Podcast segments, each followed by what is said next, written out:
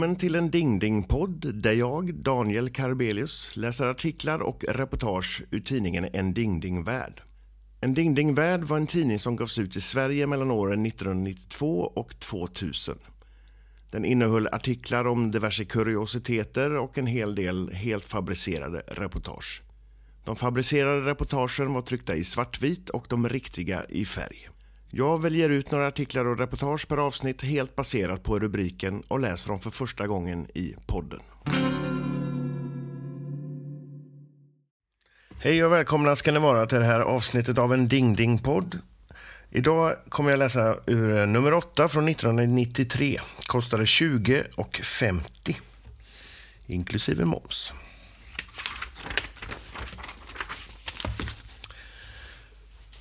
De terroriseras av ett illaluktande ondskefullt andeväsen. Eldsprutande spöke förstör hushållsapparaterna.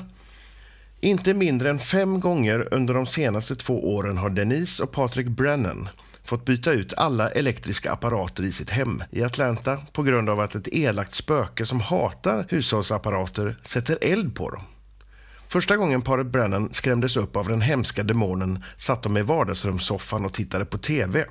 Plötsligt blixtrade öppna spisen till och när vi tittade dit såg vi ett monster dyka upp ur öppna spisen, berättar Denise och ryser. Det sprutade eld ur ögonen på den hemska varelsen när den hotfullt höjde sig över oss och det stank som ett avlopp ur munnen på den. Varje gång vi försökte resa oss ur soffan sköt det klotblixtar ur demonens ögon och de små eldkulorna studsade omkring i rummet, inflikar Patrik. Jag har aldrig sett något liknande i hela mitt liv.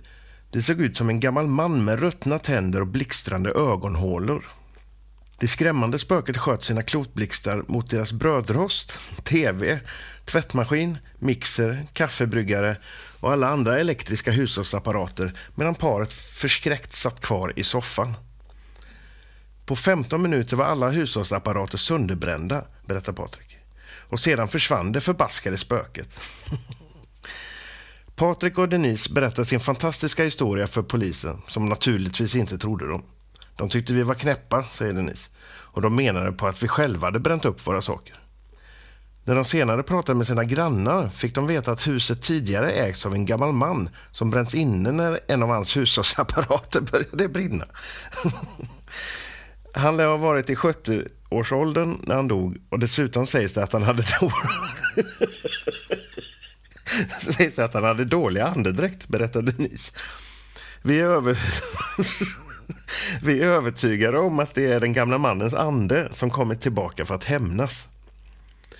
Monstret har återvänt ytterligare fyra gånger och varje gång har han förstört de nyinförskaffade hushållsapparaterna. Men varken Denise eller Patrik har skadats av det eldsprutande spökets framfart. Det enda det tycks vara intresserade av är att förstöra hushållsapparaterna och när det är gjort försvinner det ilskna spöket igen.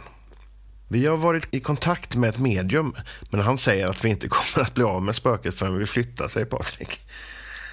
Tydligen anser den gamle mannen att huset fortfarande är hans.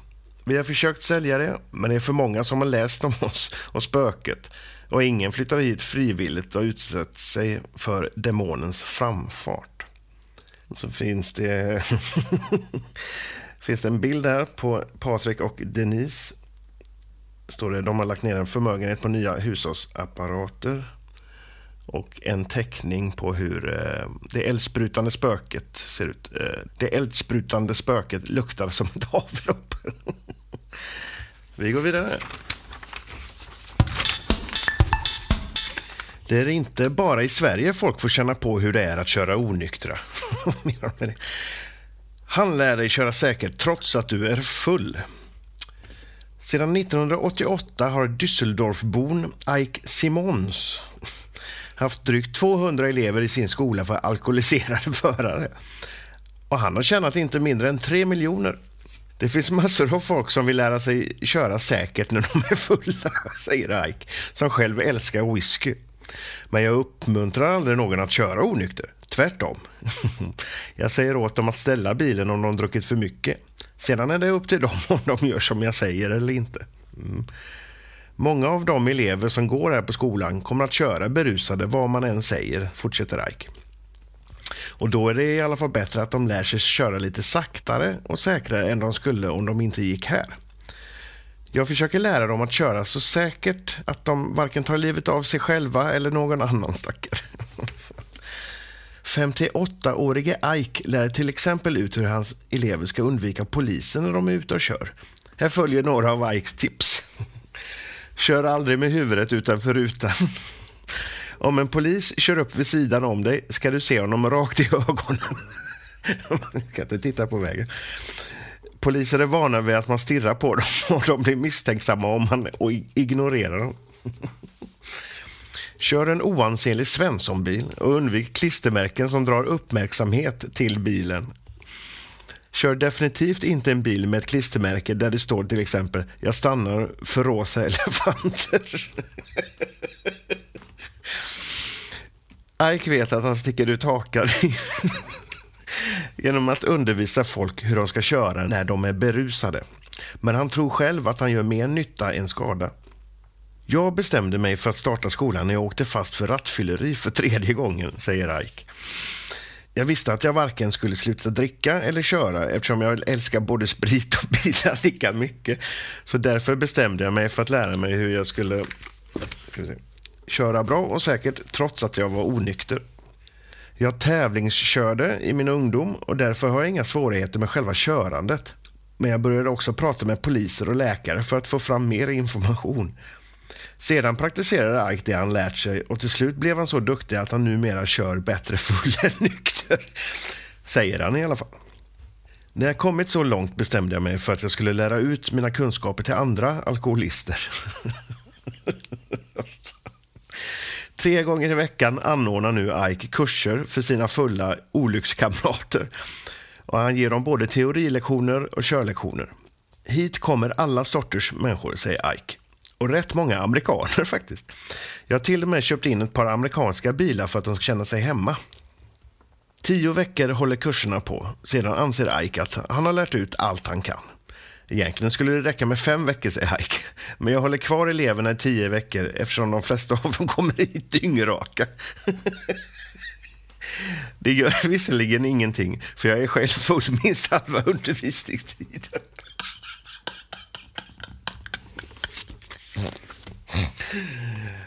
Så... Bilderna är underbara.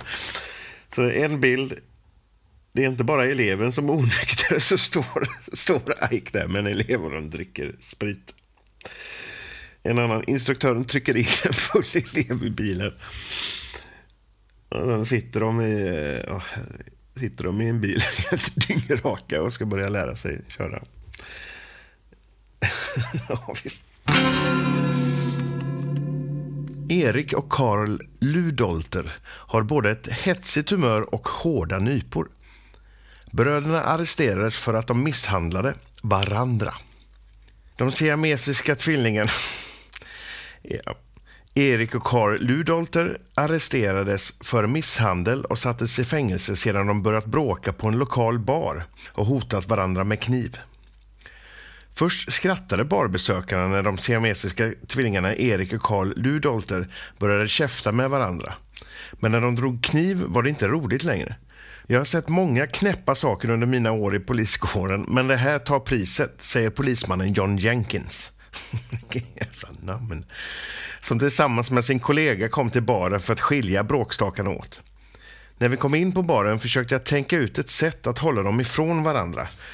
Men jag hade knappt hunnit tänka tanken innan en av tvillingarna tryckte en kniv mot den andra tvillingens hals. Den hotade tvillingen verkade inte ett dugg nervös. Du kan inte döda mig, jag ska döda dig, sa han till sin bror. Och sedan, jag tror fortfarande knappt mina ögon, sedan flyttade sig samma arm till den andra tvillingens hals. Senare visade det sig att bröderna sitter ihop i sidan och delar ett par armar som båda har full kontroll över. Erik kunde ha skurit av Karls hals eller vice versa. Lyckligtvis lyckades min partner smyga sig bakom tvillingarna och fick dem att släppa kniven. Om man inte misslyckats är jag övertygad om att en av tvillingarna skulle blivit knivskuren. De var fruktansvärt upprörda båda två.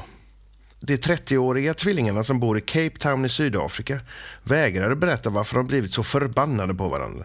Men poliserna som förhörde dem eh, berättade senare att bråket började när Karl ville gå hem och lägga sig och Erik krävde att få en dubbel whisky som färdknäpp. Först skrek de bara åt varandra, men snart började de slå varandra och det var Erik som började genom att smälla till Karl på näsan. Sedan var det tydligen full fart, säger John Jenkins. Vissa av de andra barbesökarna tyckte att det var kul att se bröderna bråka med varandra. Ända fram tills de drog kniv vill säga. Då blev det för hotfullt. Bröderna var blåslagna båda två, men hade inga svårare skador efter slagsmålet. Om de döms för misshandel kan de få upp till 50 000 kronor i böter och dessutom ett tvåårigt fängelsestraff. Han trodde att varelsen gav honom fingret. Uppretad bonde sköt utomjording. En bonde med hetsigt humör sköt och dödade en utomjording för att den trefingrade varelsen gav honom fingret när varelsen i själva verket gjorde en fredlig hälsning. När den 59-åriga bonden Frank Brown var ute och plöjde på en av sina åkrar såg han ett tefatsliknande ufo sväva över sitt boningshus och landa några hundra meter ifrån hans traktor. Han körde fram mot tefatet som han först trodde var någon slags luftballong för att studera det vidare. När jag var ungefär 20 meter därifrån lyfte tefatet plötsligt men det lämnade kvar en utomjording. Jag vinkade åt honom för att få honom att förstå att jag inte ville honom något ont, men då gav han mig fingret. Frank tände till och sträckte sig instinktivt efter geväret han alltid har liggande bredvid sig i traktorn. Och utan att tveka sköt han ner den stackars utomjordingen. Men vad är det för människa som skjuter av en sån, ja, av en sån sak? Sedan körde han hem och ringde ufo-experten Malcolm Strong. Det hela är mycket tragiskt, säger Malcolm Strong. Utomjordingen dog direkt och när vi undersökte honom upptäckte vi att han hade två tumliknande fingrar och ett normalt finger på sin hand. Förmodligen höll han eh, upp fingret i en fredlig gest som missuppfattades av Frank Brown. Enligt Frank Brown var utomjordingen cirka två meter lång och hade ett stort skalligt huvud.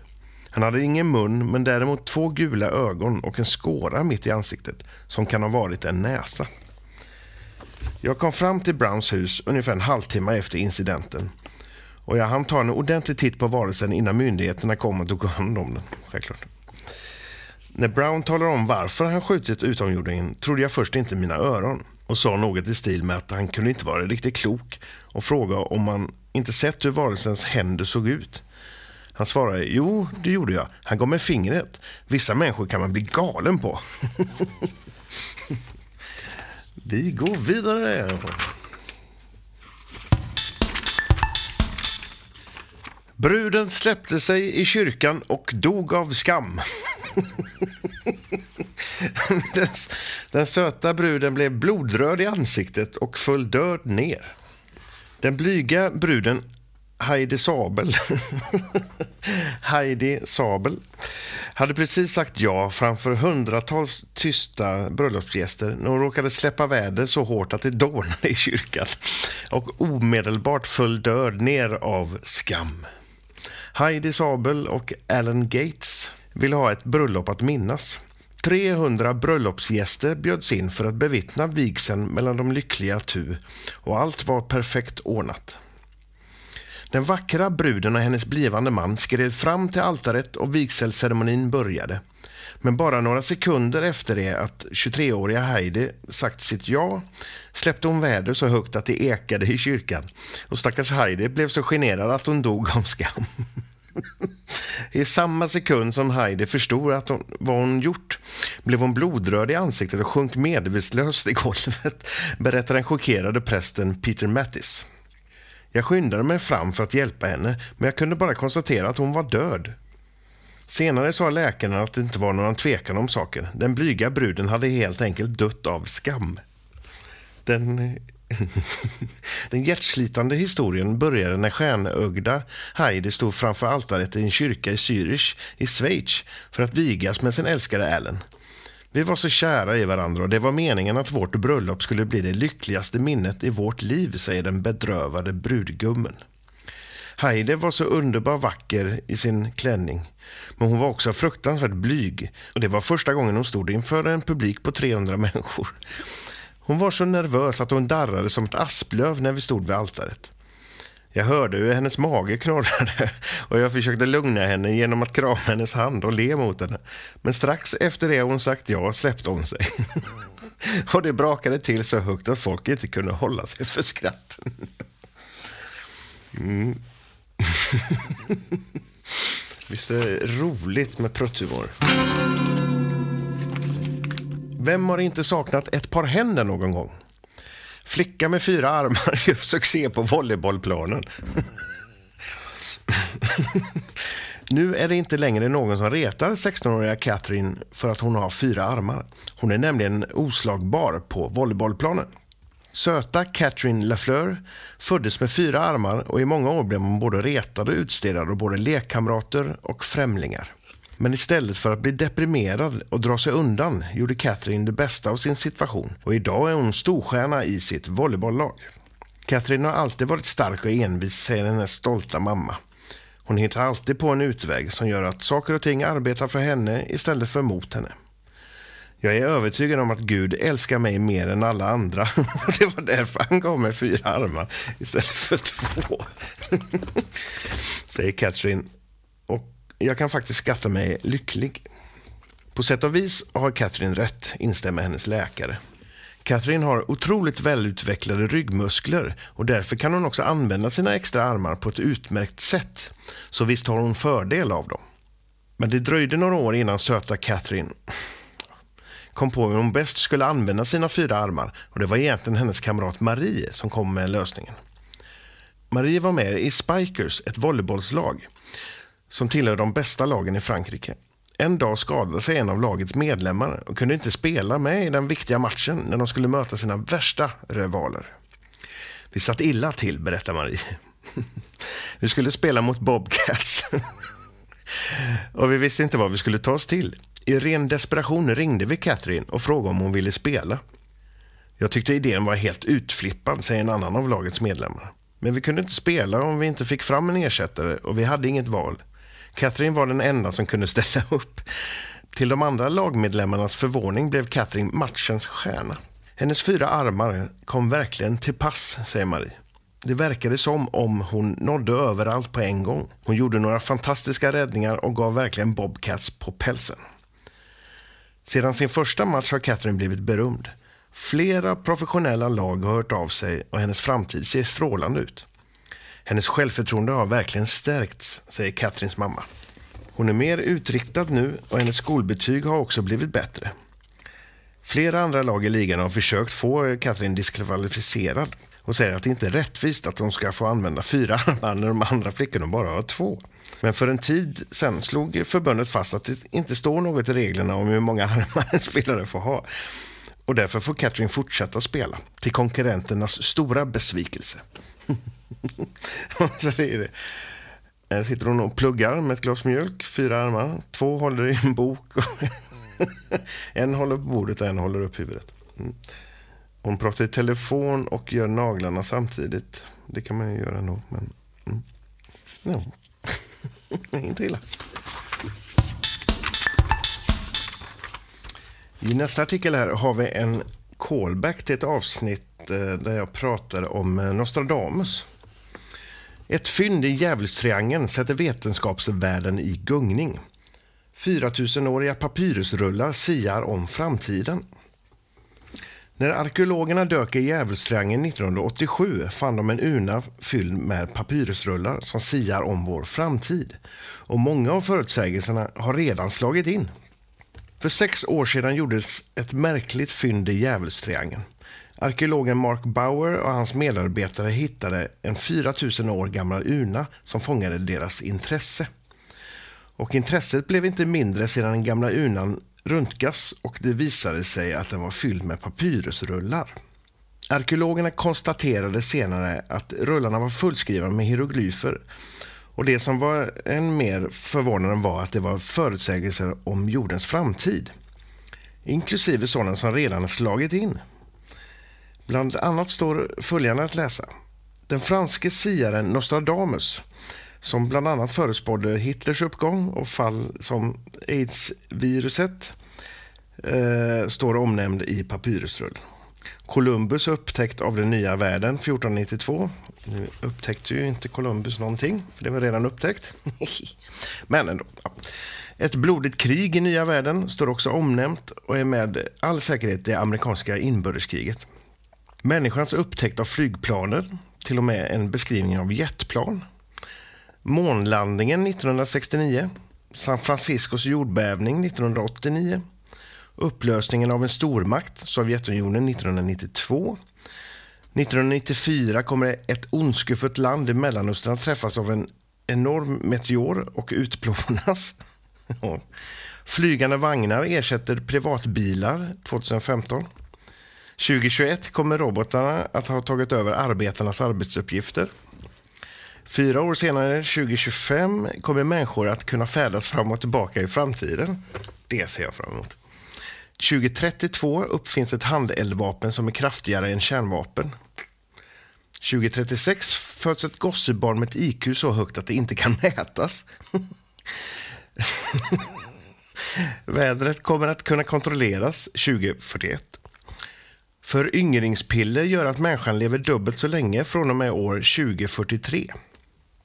Ett datastyrt hjärnimplantat gör att vi kommer att kunna kommunicera telepatiskt med andra människor 2052.